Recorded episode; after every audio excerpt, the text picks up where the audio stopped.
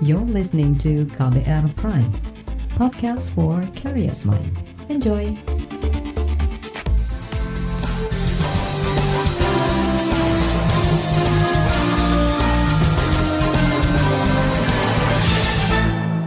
Halo, selamat sore saudara. Apa kabar Anda sore hari ini? Kembali saya Reski Mesanto hadir di KBR Sore 6 September 2022. Sore ini saya mau ajak Anda untuk membahas gelombang unjuk rasa yang menolak kenaikan harga bahan bakar minyak atau BBM subsidi yang makin meluas di banyak daerah. Lebih dari 28 ribu orang diperkirakan bakal turun ke jalan menentang kebijakan tersebut. Bagaimana seharusnya pemerintah menyikapi ini? Perlukah ada evaluasi kebijakan untuk meredam emosi massa? Kita bahas selengkapnya di KBR sore. Saudara gelombang unjuk rasa menolak kenaikan harga BBM subsidi terjadi di banyak daerah. Hari ini kalangan buruh menggelar aksi demonstrasi di depan gedung DPR Jakarta Pusat. Presiden Konfederasi Serikat Pekerja Indonesia atau KSPI Said Iqbal menyebut aksi juga dilakukan serentak di provinsi lain bersama Aliansi Badan Eksekutif Mahasiswa Seluruh Indonesia atau BMSI. Dalam tuntutannya, buruh meminta DPR membentuk panitia khusus atau pansus BBM. Selain menolak kenaikan BBM, buruh juga mendesak pemerintah menaikkan upah minimum 2023 sebesar 10 hingga 13 persen. Maka KSPI dan Partai Buruh meminta DPR untuk memastikan dorong, mendesak pemerintah menurunkan harga BBM kembali ke harga semula. Oleh karena itu, sebagai tahap awal pernyataan sikap KSPI ini akan menggelar aksian awalan. Aksi awalan akan dilakukan 6 September di seluruh Indonesia, 34 provinsi, ratusan kabupaten kota, khususnya yang berbasis kota industri. Presiden KSPI Said Iqbal menambahkan buruh akan menggelar aksi-aksi lanjutan sampai tuntutan dipenuhi. Namun jika aspirasi mereka tak didengar pemerintah dan DPR, buruh mengancam bakal melakukan mogok nasional. Sementara itu catatan kepolisian, demo sudah terjadi sejak akhir Agustus atau sebelum pengumuman kenaikan. Tercatat ada 140-an titik demo yang tersebar di 30 provinsi. Total ada 7 ribuan orang yang ikut turun ke jalan. Menurut Kapolri Listio Sigit Prabowo, aksi ini perlu diantisipasi. Hal itu disampaikan Sigit saat rapat penanganan inflasi daerah kemarin. Dari sisi Kamtipmas khususnya ini juga berdampak. Saya perlu berikan gambaran dan tentunya ini uh, di lapangan nanti perlu ada kerjasama untuk bersama-sama uh, menurunkan tensi khususnya terkait dengan aksi demo. Kapolri Listio Sigit Prabowo menyebut demo menolak kenaikan harga BBM subsidi akan terjadi setidaknya hingga 10 September mendatang rencana unjuk rasa dari tanggal 5 sampai dengan 10 September ada 131 elemen yang akan turun 28 ribu saat ini yang tercatat dan bergerak di 27 provinsi. Provinsi yang jumlah masa terbesar tentunya DKI Jakarta, kemudian DIY yang nomor 2 dan Sultra yang nomor 3. Namun demikian tentu uh, wilayah-wilayah yang lain juga tetap ada dan tersebar di 20 tujuh provinsi. Kemudian beberapa potensi yang kemungkinan akan juga anarkis ini terpantau di uh, beberapa tempat seperti Sumsel, Sultra. Uh, nanti Selasa juga dari buruh kurang lebih uh, diinformasikan sekitar 5.000 orang. Dan ini kemungkinan tidak hanya di Jakarta tapi bisa saja serentak di seluruh wilayah. Jadi ini juga uh, tentunya menjadi perhatian kita. Tentunya ada langkah-langkah yang harus kita lakukan terkait dengan rencana aksi tersebut. Dari elemen masa aksi yang ada, tentunya perlu langkah kerjasama dari kita semua untuk melakukan upaya-upaya pencegahan dari mulai kegiatan yang sifatnya sosialisasi terkait dengan apa yang terjadi. Dan kemudian uh, ini dijelaskan kepada uh, masyarakat kepada elemen-elemen tersebut. Kapolri Listio Sigit Prabowo memerintahkan jajarannya di daerah aktif memberikan penjelasan ke masa aksi terutama terkait alasan pemerintah menaikkan harga BBM subsidi dan penyaluran bantuan sosial. Dia juga menghimbau pejabat di daerah menemui pengunjuk rasa untuk meredam aksi supaya tidak menjurus ke kericuhan. Suara-suara penolakan kenaikan harga BBM subsidi sebetulnya sudah terdengar ke telinga Presiden Joko Widodo. Disinggung sikap pemerintah untuk meredam ketegangan imbas demo, Jokowi justru minta masa menyampaikan aspirasi dengan cara baik. Itu disampaikan Jokowi saat ditemui awak media di Sarinah, Jakarta Pusat malam tadi. Ya, ini negara demokrasi. Sampaikan dengan cara-cara yang baik. Ya. Kenaikan harga BBM subsidi diumumkan Presiden Joko Widodo bersama para menterinya Sabtu lalu.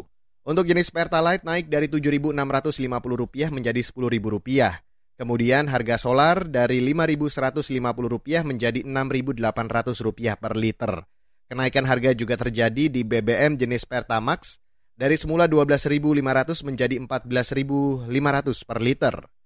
KBR telah mencoba menghubungi tenaga ahli kantor staf presiden atau KSP Ade Irfan Pulungan terkait sikap pemerintah merespon demo yang makin meluas serta evaluasi terhadap kebijakan kenaikan harga BBM subsidi.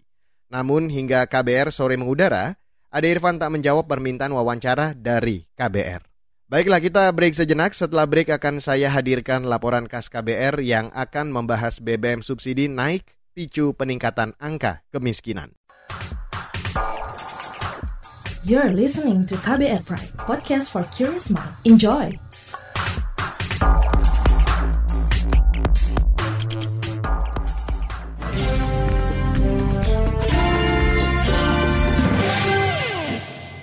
Saudara pemerintah resmi menaikkan harga BBM subsidi akhir pekan lalu.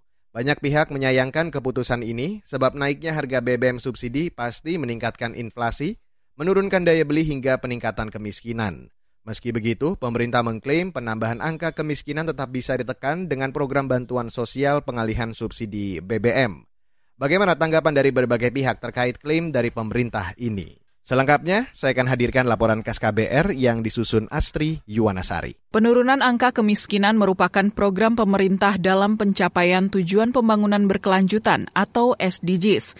Wakil Presiden Ma'ruf Amin menyebut saat ini semua negara menghadapi tantangan berat imbas krisis ekonomi global. Ma'ruf mengatakan Indonesia memiliki beragam pekerjaan rumah, terutama dalam mencapai target SDGs, yakni memberantas kemiskinan. Guna menyediakan kemiskinan dalam bentuk apa pun sebagaimana tujuan SDGs pertama, misalnya pemerintah mengedepankan kebijakan perlindungan sosial dan pemberdayaan masyarakat. Selain itu mengurangi kemiskinan nasional sebesar 10,4 persen per Maret 2021 juga utamanya untuk menyasar kemiskinan ekstrim yang tercatat 4 persen. Terlebih, Bapak Presiden juga telah menetapkan target penghapusan kemiskinan ekstrim pada tahun 2024. Ma'ruf Amin mengatakan untuk mewujudkan target penurunan angka kemiskinan diperlukan integrasi, sinergi, dan kolaborasi program dari berbagai kementerian dan lembaga, serta pelibatan aktor non-pemerintah. Selain itu, harus ada akurasi data sasaran penerima manfaat program perlindungan sosial dan pemberdayaan masyarakat. Upaya menurunkan angka kemiskinan makin berat setelah pemerintah akhirnya terpaksa menaikkan harga bahan bakar minyak atau BBM bersubsidi meski mendapat penolakan luas di masyarakat.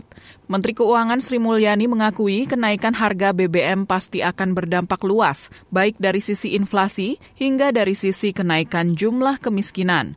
Meski begitu, Sri Mulyani yakin penambahan angka kemiskinan di Indonesia tetap bisa ditekan walaupun harga BBM subsidi naik. Menurutnya, program bantuan sosial tambahan sebesar 24,17 triliun rupiah yang disiapkan pemerintah bisa menahan peningkatan angka kemiskinan. Sri Mulyani mengatakan dengan adanya bantuan sosial tersebut, maka angka kemiskinan bisa ditekan turun sekitar 1,07 persen. Maka sebagian dari tadi belanja yang tadinya adalah untuk keseluruhan subsidi adalah digunakan untuk memberikan bantuan sosial kepada masyarakat. Kita juga akan memantau dampak inflasi dan pertumbuhan ekonomi serta kemiskinan dari kenaikan BBM yang diumumkan oleh Bapak Menteri ESDM kita perkirakan dengan adanya bansos yang diberikan tambahan 24,17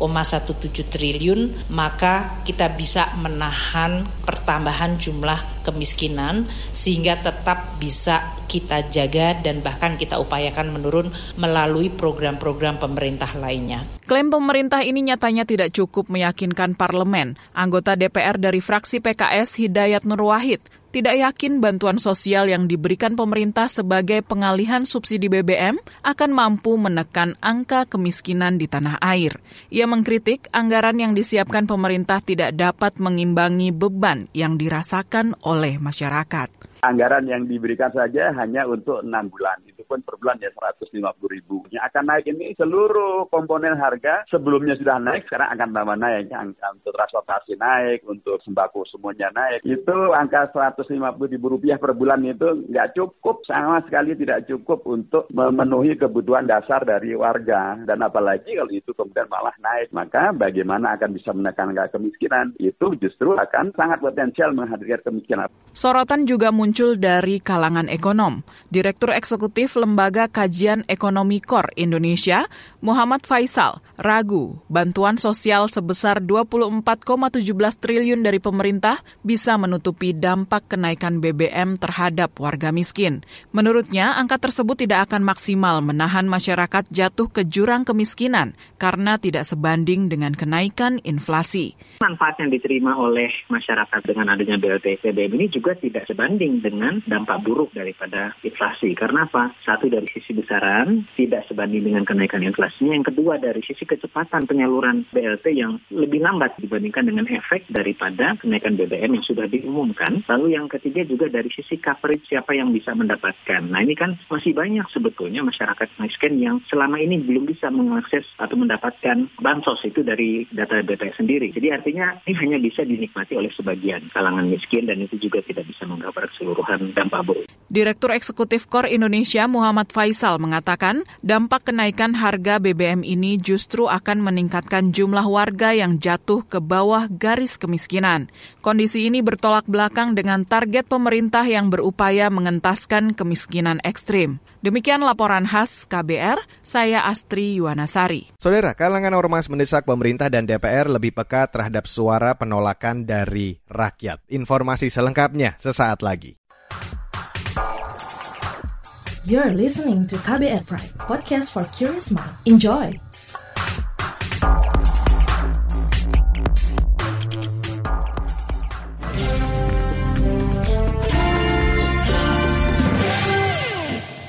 Saudara anggota DPR sejak siang tadi menggelar rapat paripurna di saat ribuan buruh menggelar unjuk rasa di depan gedung parlemen Senayan, Jakarta.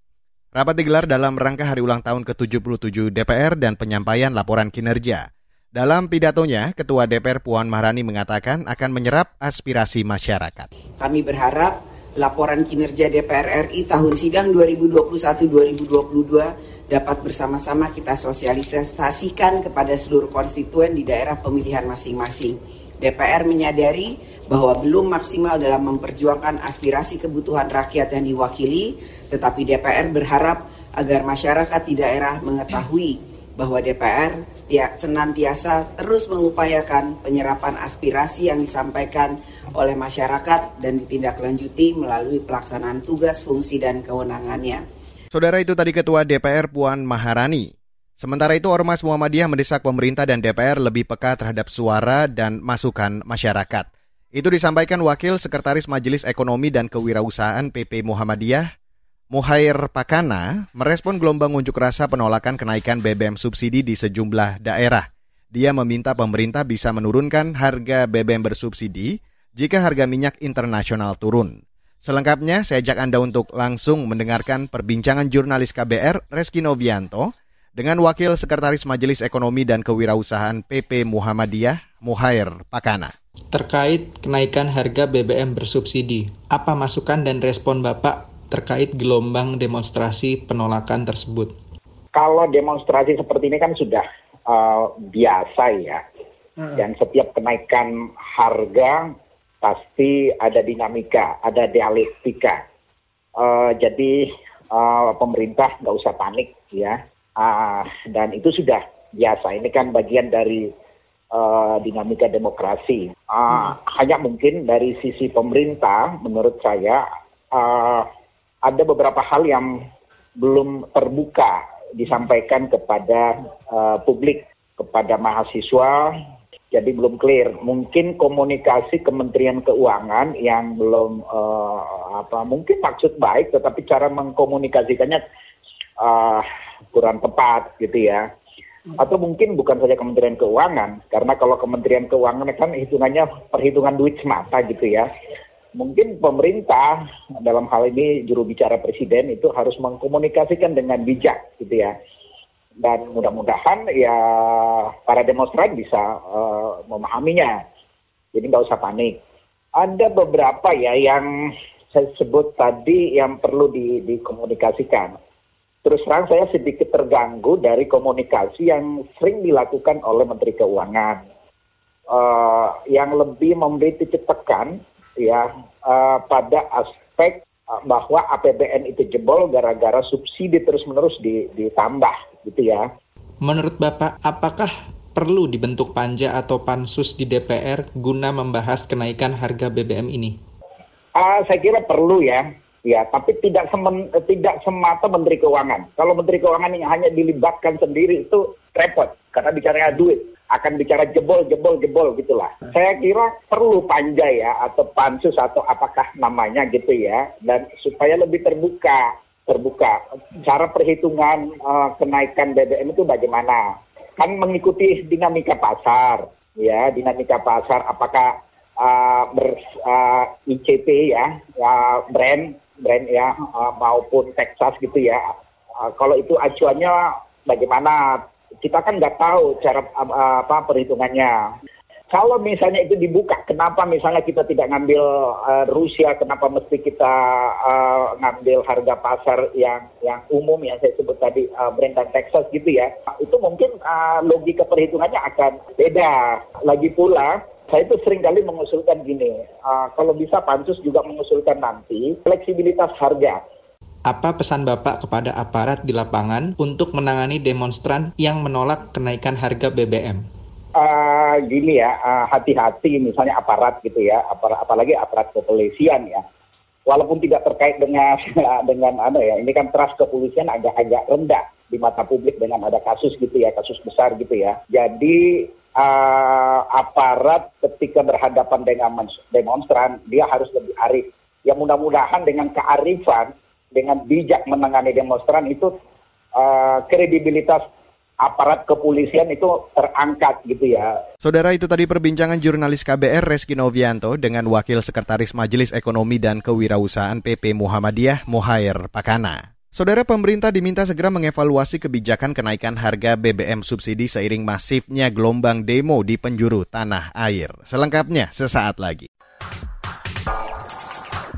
You're listening to KBR Pride, podcast for curious mind. Enjoy!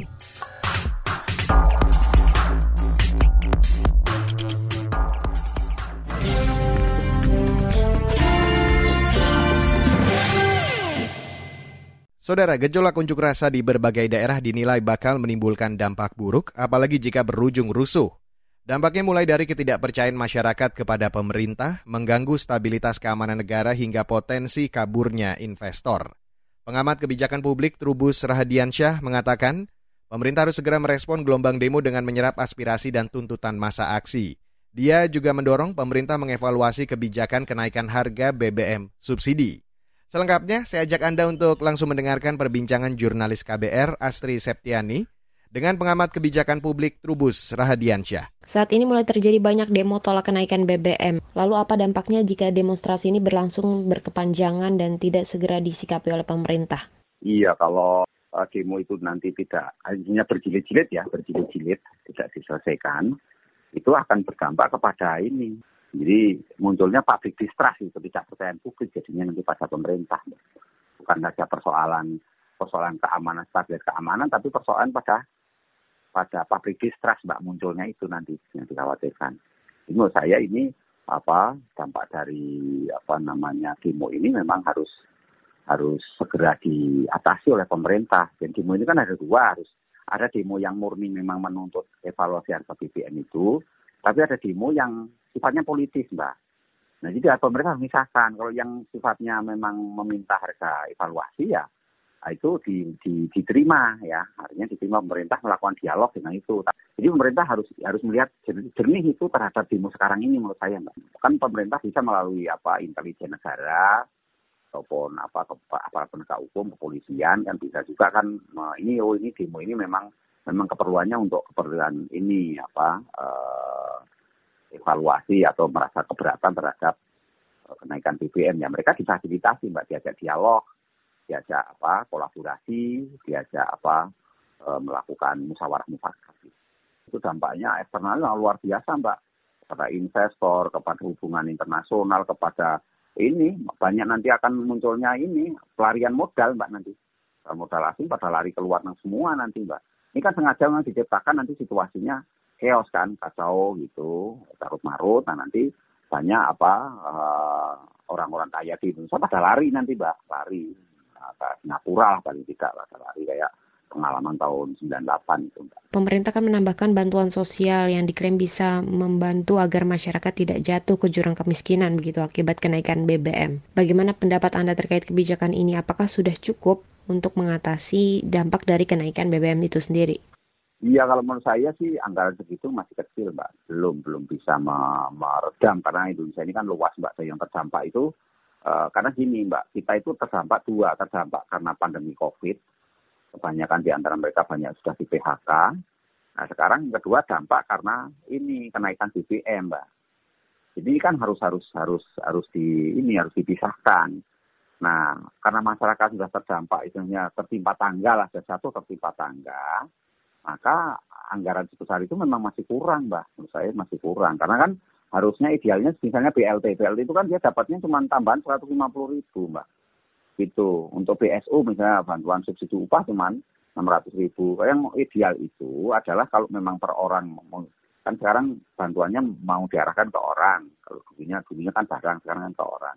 Kalau orang itu idealnya orang Indonesia itu dapat bantuannya ya satu juta, Mbak satu juta minimal satu setengah yang normal. Karena kita anehnya di Indonesia itu bantuan itu ini mbak per kakak bukan per orang. Padahal satu kakak di kita ada misalnya enam orang tujuh orang ada sepuluh orang ada dua belas orang itu mbak. Karena ada bayi-bayi segala kan. Jadi apa eh, kita ini apa kebijakannya memang aneh mbak. Jadi menyebabkan per kakak gitu bansos bansos per kakak bukan per orang gitu jadi jadi masalah. Lalu melihat keadaan saat ini dengan banyaknya gelombang penolakan kenaikan BBM, apakah artinya pemerintah harus segera melakukan evaluasi menyeluruh begitu terkait kebijakan kenaikan harga BBM? Iya, kalau menurut saya karena pemerintah kan sampai hari ini belum mengeluarkan aturan pembatasannya kan revisi satu revisi Perpres 191 kan belum dilakukan, Mbak, sampai hari ini. Ini kan pemerintah kan sebenarnya kan terburu-buru ya menaikkan ini, terburu-buru sehingga menurut saya memang kok ada waktunya pemerintah untuk mengevaluasi dulu. Karena kenaikannya juga terlalu tinggi itu kan. Masa naik 30 persen kan dari 7.800 sampai 10.000. Misalnya begitu. Nah sekarang uh, harusnya kenaikan itu kan bertahap mbak. Bertahap 10 persen dulu, 10 persen dulu. Baru, baru 30 persen sampai 2024 misalnya. Ini kan enggak langsung aja dihantam 30 persen. Nah ini yang terjadi masyarakat ya shock mbak, ini kaget kan gitu. Saudara itu tadi perbincangan jurnalis KBR Astri Septiani dengan pengamat kebijakan publik Trubus Rahadiansyah. Dan perbincangan ini sekaligus menutup KBR sore untuk hari ini, edisi 6 September 2022. Terima kasih untuk Anda yang sudah bergabung sore hari ini. Selamat kembali menjalankan aktivitas Anda dan ingat, selalu patuhi protokol kesehatan di mana pun Anda berada. Saya Reski Mesanto undur diri, salam.